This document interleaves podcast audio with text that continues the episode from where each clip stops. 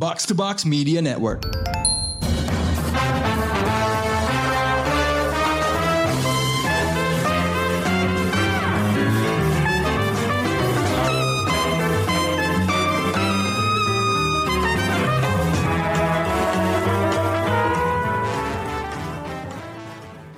Halo pendengar Showbox, welcome back to Out of the Box.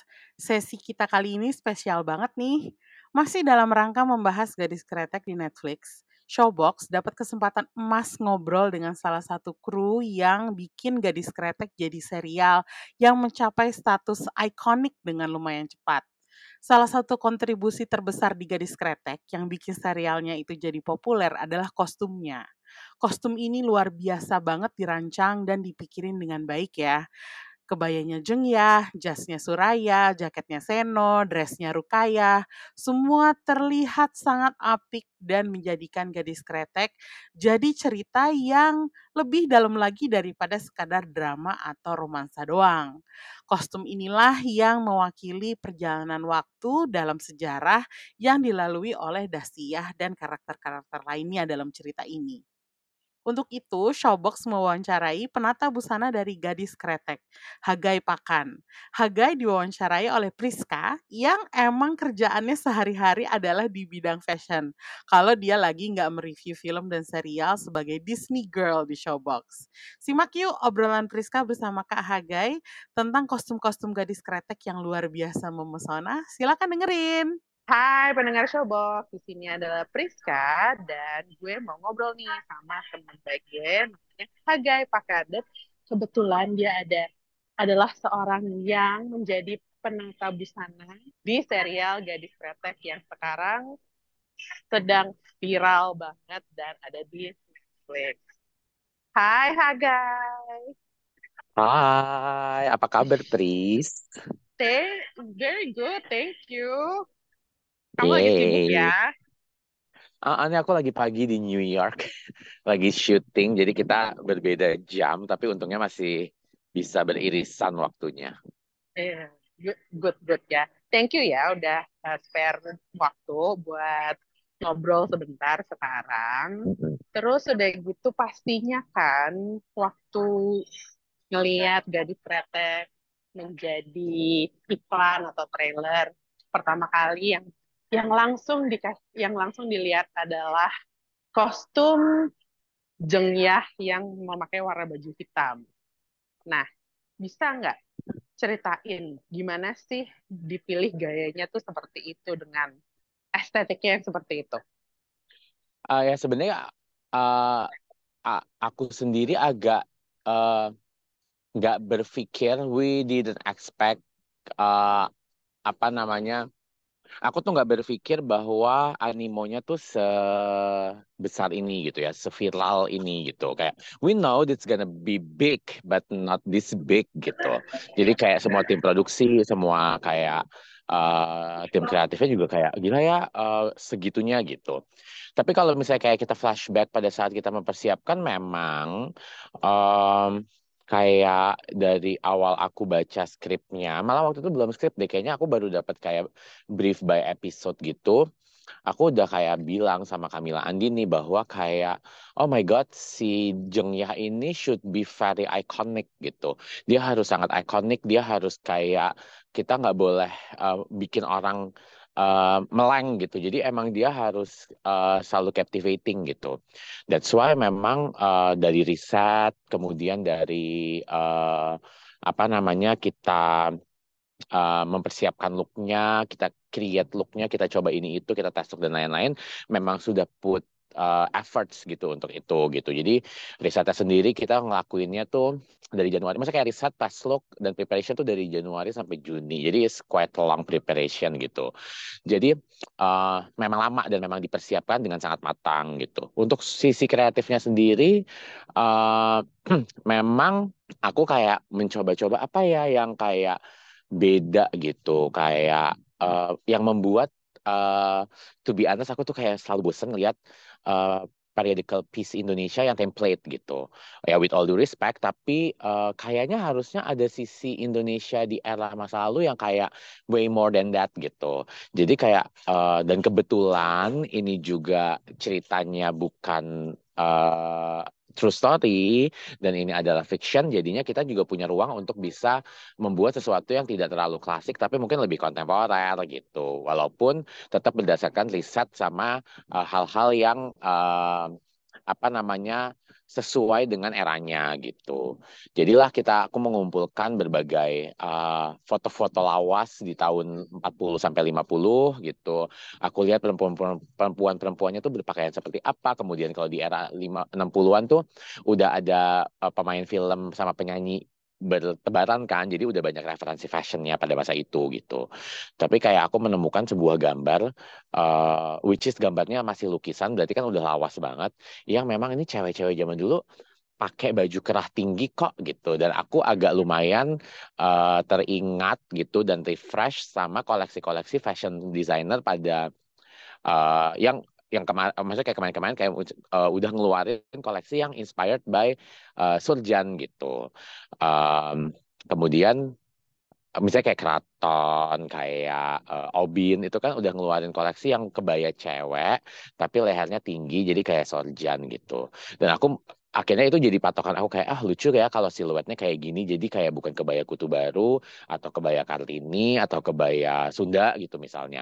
Ya definitely bukan kebaya Sunda tapi kayak biasanya kalau kayak perempuan Jawa referensinya either kebaya kartini atau kebaya kutu baru. Ya udah akhirnya aku uh, mencoba mempropose eh, mempropose ide aku ke uh, director dan produser dan showrunners gitu. Dan ternyata mereka lumayan kayak, wah oh, keren juga ya kalau kita bikinnya gini dan cocok banget sama ceritanya Jeng Yah yang dia adalah woman power, uh, lady boss gitu. Kemudian uh, kayak uh, apa namanya woman at her time gitu. Jadi kayak kita mau bikin bahwa lo uh, gimana ya 60 itu kan era yang udah akulturasi. Jadi kayak orang-orang cewek-cewek pada masa itu udah pakai dress modern tapi uh, masih banyak yang berkebaya. Nah kita mau memperlihatkan bahwa kayak Dacia ini terlihat sangat setia sama akarnya tapi juga progresif gitu uh, jauh melihat ke depan gitu. Makanya kita lihat dengan kayak uh, dia memakai warna yang selalu berbeda dengan sekitarnya. Dia memakai uh, bergerak dengan berbeda gitu. Dan dia uh, memakai desain yang berbeda gitu dengan orang sekitarnya. Jadi memang kita memperlihatkan uh, sisi progresifnya dia, tapi juga uh, kesetiaannya pada akar gitu. Jadi dia tidak apa ya tidak goyang akan adanya perubahan gitu. Tapi dia justru jadi bagian dari perubahan itu. Itu sebenarnya lumayan kompleks sih kalau ngebahas uh, konsep desain baju buat dasiah gitu. Ya kurang lebih kayak gitulah what we were thinking gitu. Sedangkan kalau twist-twist kecil yang ada di dia itu, yang di looknya dan dia kayak aksesoris, itu uh, pemikirannya tuh apa? Apakah karena emang itu cuma aksen atau memang ya itu tadi uh, dia yang ada di progresif tapi juga mau stay to her roots gitu. Itu apa tuh pemilihannya? Gimana? Oke, okay. jadi uh, kalau untuk aksesoris dan lain-lain itu juga karena aku mengumpulkan gambar dari berbagai foto lawas yang memperlihatkan bahwa cewek zaman dulu tuh accessorize banget gitu. Jadi mereka tuh pakai bros tumpuk-tumpuk, kemudian mereka pakai anting, pakai giwang, jadi kayak semua dipakai gitu. Jadi uh, ya aku gabungin dari apa namanya dari foto-foto itu dan aku coba cari koleksi-koleksi vintage, jadilah looknya seperti itu gitu. Aman. Jadi tadi kalau kita ngomongin uh, aksesoris atau bros, sebenarnya tuh kayak memang um, secara keseluruhan tuh aku membuat total looknya tuh ngumpulin kayak collage dari berbagai foto era-era yang masa itu yang aku dapetin gitu. Dan aku tuh melihat perempuan-perempuan pada masa itu tuh kayak exercise banget ya. Mereka tuh pakai bros ditumpuk-tumpuk dan kebetulan kan memang bros pada masa itu dipakainya memang sebagai peniti untuk menyambung eh sebagai kancing gitu ya, untuk nutup baju gitu. Terus kalung ditumpuk-tumpuk gitu dan memang uh, karena kita pendekatannya kontemporer kayak pada saat aku create looknya, aku memang punya tujuan uh, khusus gitu ya untuk kayak I wanna create the iconic look gitu dengan uh, gaya yang kayaknya orang tuh udah nggak terlalu uh, ngeh atau mungkin banyak yang belum tahu bahwa gaya berbusana pada masa itu tuh ada yang kayak se-accessorize ini gitu se uh, kayak semacam festif atau memang ya aksesoris itu ya bukan cuman uh, bukan cuman tambahan tapi ada fungsionalitasnya ah, gitu. gitu. Jadi kayak dan dan kayak aku tuh memper, melihat gitu ya banyak perempuan yang memang uh, gini. Ketika aku meng-create sebuah look orang gitu ya, kebetulan karena aku juga kayak uh, selain costume design untuk film gitu, kayak aku juga personal styling gitu. Jadi aku tuh kayak mempelajari bahwa orang tuh punya personal style dan kayak banyak perempuan yang kayak personal style-nya mereka tuh kayak dari cara mereka memakai aksesoris gitu. Emang ada orang yang bisa pull it off all aksesoris atau tumpuk-tumpuk dengan bagus dan itu jadi karakternya mereka gitu. Jadi sebenarnya itu sih kenapa uh, apa namanya aku memilih uh, pemakaian aksesorisnya senumpuk-numpuk dan seintens itu gitu. Tapi ketika planning phase kamu itu waktu tadi kamu bilang sempat dapat briefnya, hmm. terus uh, apa namanya juga uh, apa namanya uh, waktu awal-awal deh persiapannya gitu. Tapi ada nggak sih kayak uh, input dari sutradaranya atau dari pelatih kumalanya sendiri seperti tulis Sebenarnya kalau sama sutradara dan uh, terutama uh, sama sutradara uh, Camila dan Iva memang harus bekerja uh, sangat dekat gitu ya. Karena bagaimanapun kan kayak universe um, baju tuh jadi bagian dari universe yang mereka create gitu. Dan uh, memang aku intens sekali selama enam bulan itu bisa ngobrol tiap hari, uh, terutama sama Camila gitu. Kita uh, kirim-kiriman gambar, kemudian tes looknya tuh hampir dua minggu sekali kita tes look, dan setiap tes look dia selalu ada gitu untuk melihat revisi ini kayak ini too much gitu, ini bisa diubah dikit gak atau apa gitu. Karena kan begitu pada saat kita melakukan tes look itu bukan cuma ke, membuat bajunya kelihatan bagus gitu, tapi kayak dia harus kayak realis karena ceritanya bagaimanapun realis gitu.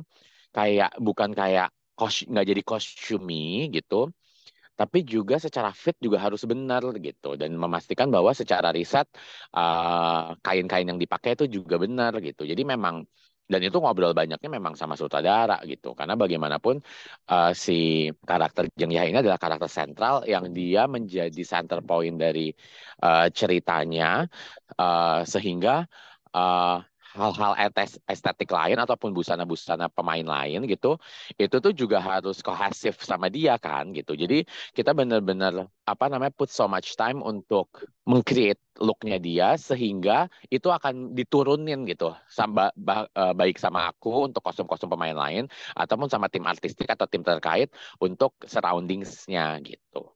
Nah kalau untuk Mbak Ratihnya sendiri dia kebetulan juga memang sering main pada saat aku lagi tes look, tapi um, uh, bedanya kan kalau misalnya memang film kan uh, penulis tuh uh, uh, tidak selalu punya say untuk uh, kebutuhan visual gitu.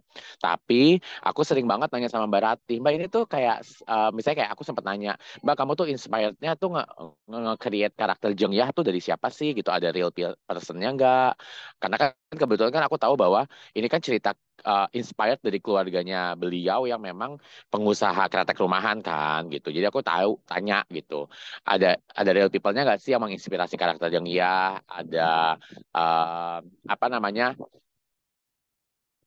Bayangan kayak, kamu pada saat kayak kamu historical figure mungkin yang ada di iya, bayangan gitu. dia ya.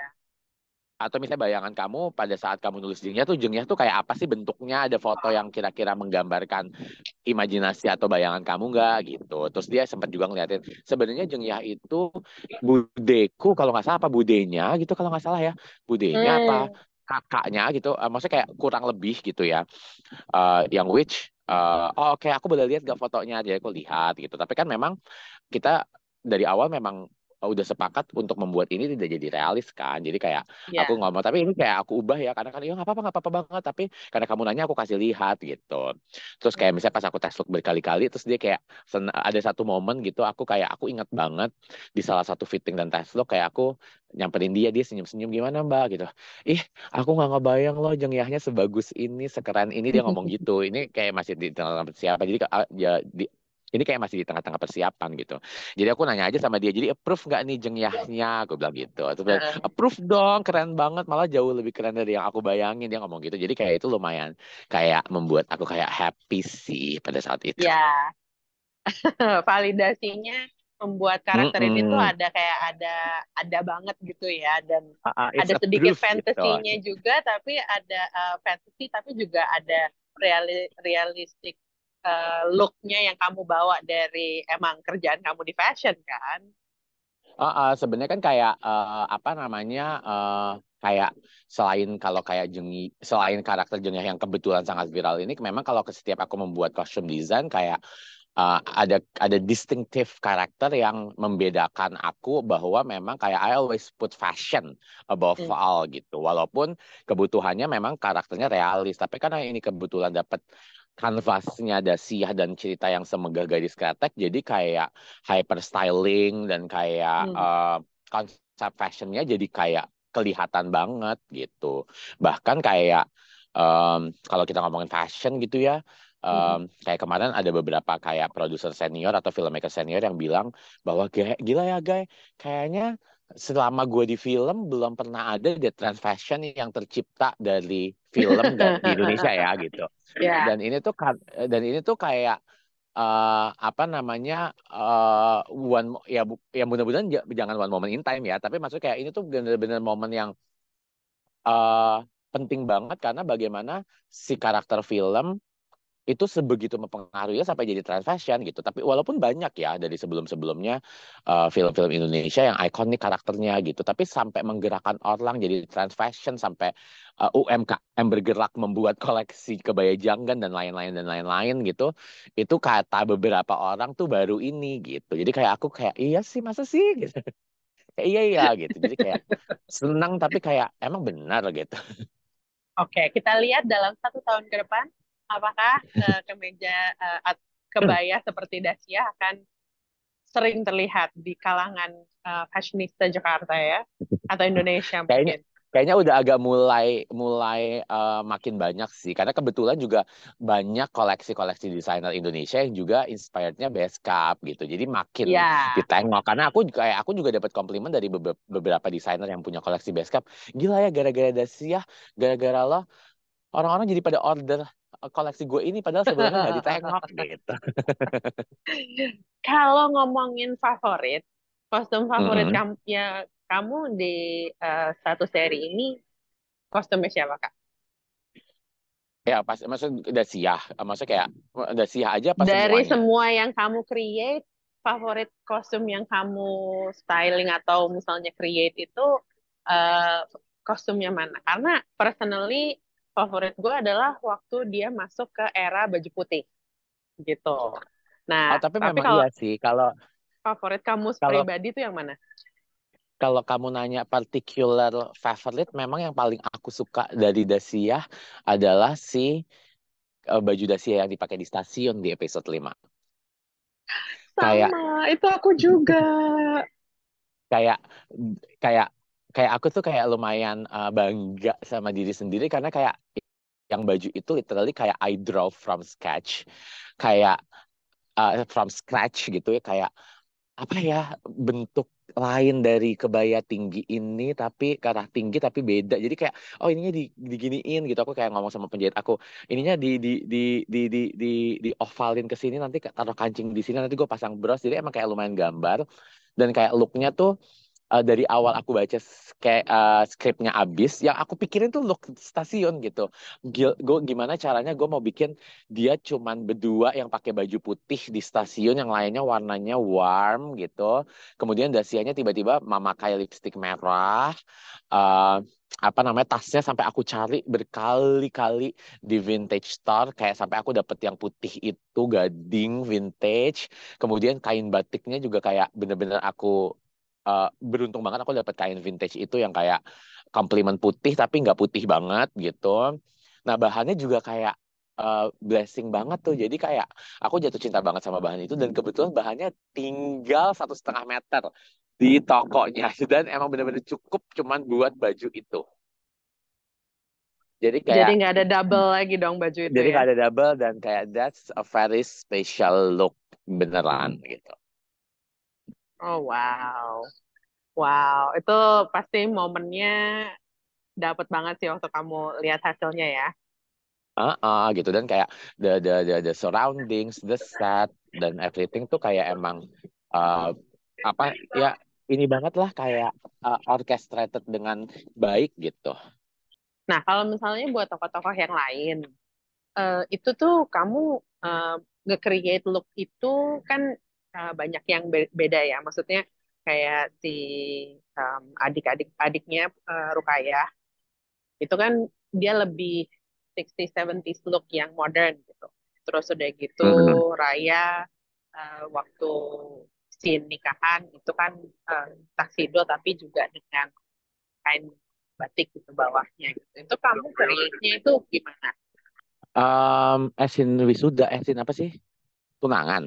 Eh, apa sih? Ya, waktu waktu Raya yang tuna, eh, nikahan kan dia Oh, pakai oke. at- atasnya tuh kayak Hmm. semacam tuxedo tapi bawahnya kain. Tapi kalau Rukaya sama Purwanti waktu kecil kan dia eh, bajunya lebih modern ya dibandingin Dakia. Sorry, kalau Rukaya itu tuh memang kita tuh mau memperlihatkan adanya kontras gitu antara Dasia dan Rukaya. Makanya kayak tadi aku sempat bilang bahwa das, eh, 60-an tuh adalah era yang perempuan Indonesia gitu sudah mulai terbagi dua yang masih berkebaya dan masih eh, dan sudah menggunakan dress dan sudah ter eh, bahasanya mungkin kayak kurang tepat tapi sudah terpengaruh sama budaya yang lebih modern gitu. Jadi makanya kita juga memperlihatkan itu di kakak beradik ini gitu. Bagaimana si kakaknya masih yang sangat pakem gitu ibaratnya. Eh, tapi si adiknya tuh memang karena dia lebih kecil eh, dan lahirnya sudah di era yang lebih modern gitu. Jadi pasti dia eh, pakai bajunya juga jadi lebih modern gitu. Uh, sebenarnya itu sih basic utamanya kenapa kita uh, Rukaya tuh bajunya memang memang lebih dipilihnya dress-dress. Selain juga kita mau mau memperlihatkan sisi dia yang lebih uh, childish gitu. Karena karakter Rukaya ini juga cukup spesial range-nya dia besar banget. Bagaimana uh, gini kalau cewek atau nggak usah cewek deh kayak misalnya orang udah di umur 25 gitu ya sampai dia umur 40 tuh bisa jadi dia nggak berubah kayak kita aja kak ya nggak sih kita tuh kayak di, Ya, di- ketika kita kayak udah di 25 sampai kayak sekarang tuh kayak nggak akan ada perubahan yang jauh gitu secara karakter ya. maupun secara berpakaian gitu. Ya ada cara Estetiknya uh, udah kita pilih gitu. uh, uh, maksudnya kayak itu udah udah uh, kita udah masuk fase yang firm. Jadi kayak ke depannya tuh udah uh, apa namanya nggak apa namanya nggak nggak berubah atau nggak cari-cari lagi. Tapi kalau misalnya kayak cewek orang uh, khususnya ini cewek gitu ya umur uh, 15 tahun gitu kayak dia masih SMP SMA kemudian ceritanya bergeraknya tuh kayak sampai dia eh kalau nggak salah kayak 10 tahun atau 15 tahun kemudian gitu 10 tahun kemudian itu kan perubahannya besar gitu. Dari umur kayak eh 17 ke 27 orang pasti berubah total gitu kan. Ada perubahan ada masa perubahan. Jadi karakter Rukaya tuh juga eh, harus didesain juga lumayan hati-hati karena harus memperlihatkan eh, perubahan dia dari kayak gadis SMA sampai ketika dia kayak udah mulai eh, bekerja dan endingnya dia eh, ya not to spoiler gitu dia harus eh, take over peran sebagai seorang ibu gitu jadi eh, itu kita desainnya juga lumayan hati-hati tuh dan kebetulan Tisanya juga bisa membawakan setiap fasenya dengan sangat baik gitu Sedangkan yang kamu create buat tokoh Raya sama Seno itu kan dua kepribadian yang berbeda ya pengkarakterannya mereka gitu. Kamu ada special treatment nggak sih buat kalau karakter cowok? Oh, special treatment banget. Karena eh, apa namanya eh, si gini sebenarnya semua karakter tuh special treatment karena memang semua karakter ini harus bunyi. Dan I'm I'm very happy ketika ini kayak ka- karakternya dijejer itu semua karakter tuh beda-beda gitu. Kayak kita tuh bisa ngasih tahu bisa kayak judge the person by the looks by the outfit tuh kayak ini orangnya kayak gini ini orang kayak gini orangnya kayak gini gitu. Karena memang itu kan sebenarnya kan kayak eh, apa ya kayak kehidupan nyata aja gitu. Kita kayak akan judge orang dari pertama kali kita ketemu, kita akan ada lah sedikit eh, hal kayak oh ini orangnya kayak gini dari penampilan dia, dari very first eh, sight kita gitu. Nah, eh, karakter Raya sama Seno tuh memang dari awal itu juga karakter yang dibikin bagaimana orang jatuh cinta sama keduanya sampai orang bingung. Kayak orang harus ada di posisi Dacia, gue milih yang mana ya gitu. Jadi emang harus dibikin gantengnya beda, seksinya beda, manly-nya beda gitu kan. Kemudian kebetulan dari karakter yang di kasih gitu kasih yang dikasih juga secara fisikal mereka juga dua orang yang berbeda jadi emang tinggal aku enhance aja gitu mau dibawa ke mana gayanya gitu. Yang satu pekerja banget si Suraya yang harus kita bikin makin berminyak orang makin kayak uh, pengen dipeluk gitu ibaratnya ya Bo bahasa kasarnya gitu kemudian okay. kayak kan ada ya ada ada orang tuh kayak gue makin peliket makin messy makin jorok gue makin suka gitu misalnya ada yang gitu kan ya, ya karena manly banget gitu. Karena manly gitu dan ini yeah. dan profilnya sesuai dengan karakternya dia dia pekerja kasar, kemudian yeah. uh, uh, mak maksudnya kayak uh, sesuai dengan ininya dia lah. Oh, uh, karakternya si Suraya ini gitu. Dan pemilihan bajunya tuh juga kayak uh, secara bahan aku memang memilih linen karena aku ngejar teksturnya, bagaimana teksturnya keren, seksi, tapi juga uh, rakyat kesannya gitu. Walaupun linen mahal ya gitu, tapi kayak kesannya yeah. rakyat. Tapi kan kayak kita dapat teksturnya, kita dapat colornya, kemudian warnanya tuh udah pasti uh, undertone, nggak bakal yang kayak terlalu bersih gitu. Kemudian pemilihan warna raya dan um, uh, da, uh, raya sama dasia tuh memang sengaja kita bikin kontras gitu. Uh, karena si raya akan banyak putih-putih uh, dan warna terang sementara dasnya hitam. Jadi memang ada konsep yin and yang juga di situ gitu. Sementara uh, karakternya Seno, memang kita harus bikin yang lebih karismatik, lebih tipikal tentara pada masa itu, yang rambutnya neat, bajunya rapi, dimasukin. Dan aku juga terinspirasi dari film-film kayak era-era masa itu yang kayak sebenarnya eranya bukan 60-an, tapi nah karakter Seno tuh sebenarnya aku tambahin juga uh, karakter Thanos sebenarnya aku tambahin juga ketika dia pakai jaket atau pakai uh, jaket kulit atau gaya yang denim dan lain-lain itu tuh aku juga mau memperlihatkan adanya perubahan zaman juga pada masa itu. Jadi memang orang udah mulai pakai jeans udah ada jaket kulit udah masuk ke Indonesia gitu. Jadi sebenarnya dari sisi fashion tuh um, kita uh, di sebuah film tuh kita juga menceritakan perubahan zaman gitu. Jadi memang ada item-item yang kita pakai dengan sengaja untuk me me memperlihatkan adanya penanda masa gitu. Jadi orang tahu, oh ini tuh pada masa awal-awal orang Indonesia pakai jaket kulit ya atau eh ini dress ini tuh inget banget zaman dulu tuh nenek gue pakai dress ini gitu. Jadi memang pengen ada obrolan kayak after taste nonton filmnya tuh kayak gitu gitu. Oke, okay. I see, I see. Paham sih. Kayak gimana kamu pengen bikin semuanya itu tuh juga bukan apa ya, bukan aksesoris untuk karakternya, cuman bisa menjadi definisi buat setiap karakter yang ada gitu ya. Uh -uh. Oke. Okay. Nah, terus udah gitu, uh, ini kan karena emang period piece ya, serialnya sejarah. Mm -hmm. Kalau mm -hmm. misalnya buat yang uh, baju era itu, uh, in particular kayak baju orang pabriknya, terus baju pekerja lah biasanya gitu, atau baju tentara, itu kamu uh, ada historical records yang kamu pelajarin nggak sih? Oh ya pasti. Jadi memang uh, baju pelinting gitu ya atau khususnya gitu baju pelinting ibu-ibu pelinting tuh memang sengaja aku bikin putih. Karena memang aku pengen ketika ada siang masuk tuh dia emang kontras banget gitu. Dan memang itu tuh kebutuhannya misensang misensang tuh apa ya? Misensang tuh kayak sebuah konsep film yang kayak semua visualnya terjahit gitu. Jadi bayangkan Uh, maksudnya kayak, kayak kamu nonton pas kamu nonton kan kamu langsung dapat vibes-nya kan gila ya backgroundnya coklat kemudian yeah. diisi sama ibu-ibu berbaris putih mm-hmm. kemudian masuk cewek hitam gitu jadi memang ini tuh yeah. bagian dari visual gitu tapi yeah. memang juga itu berdasarkan foto-foto lagi yang aku dapat gitu bahwa pegawai-pegawai pabrik uh, perempuan, buru-buru pabrik perempuan di masa itu tuh memang uh, gaya kebayanya kebaya belacu putih yang memang juga memperlihatkan with all due respect uh, kelas uh, sosial mereka gitu apa namanya uh, memang uh, dipilihnya berdasarkan riset tapi memang dicocokkan juga untuk kebutuhan visual gitu. Ya kalau tentara juga gitu. Aku tuh sebenarnya agak lumayan um, I'm not good uh, untuk baju-baju yang risetnya dalam seperti kalau ada tentara-tentara. Makanya sebenarnya aku jarang banget mengiyakan proyek yang kayak perang apa. Karena uh, lumayan uh, lumayan uh, detail banget gitu kebutuhan untuk bisa me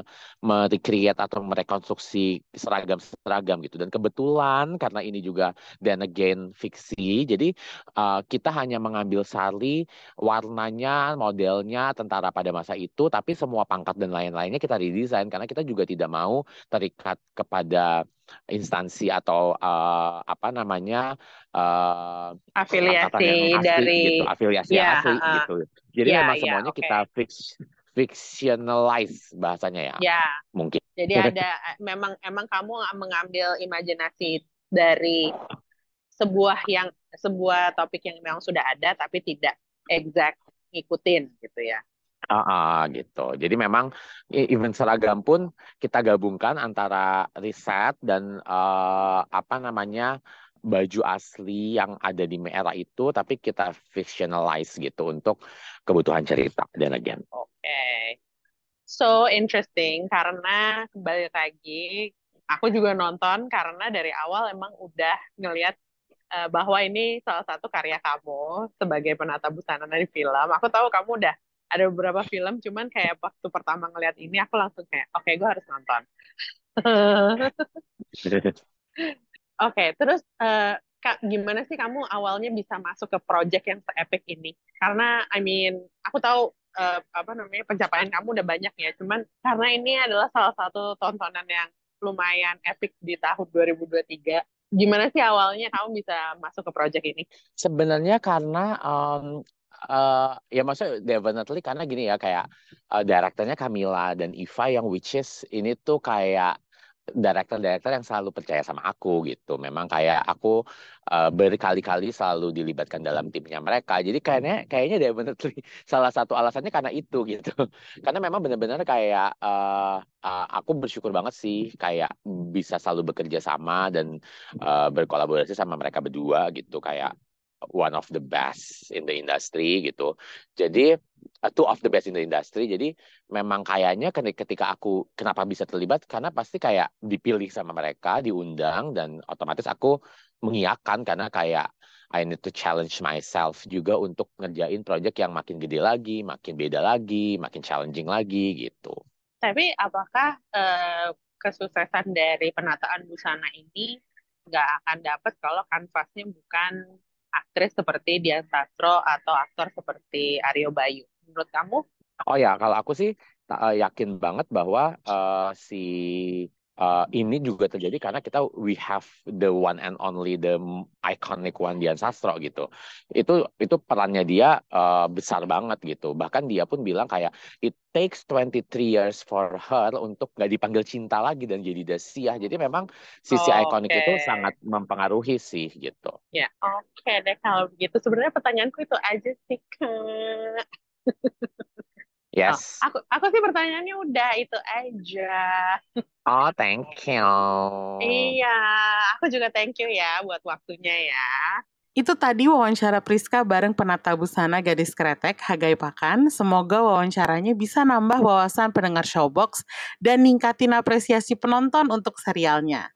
Jangan lupa gadis kretek bisa ditonton di Netflix dan jangan juga ketinggalan karena ceritanya mengharukan tapi juga menginspirasi.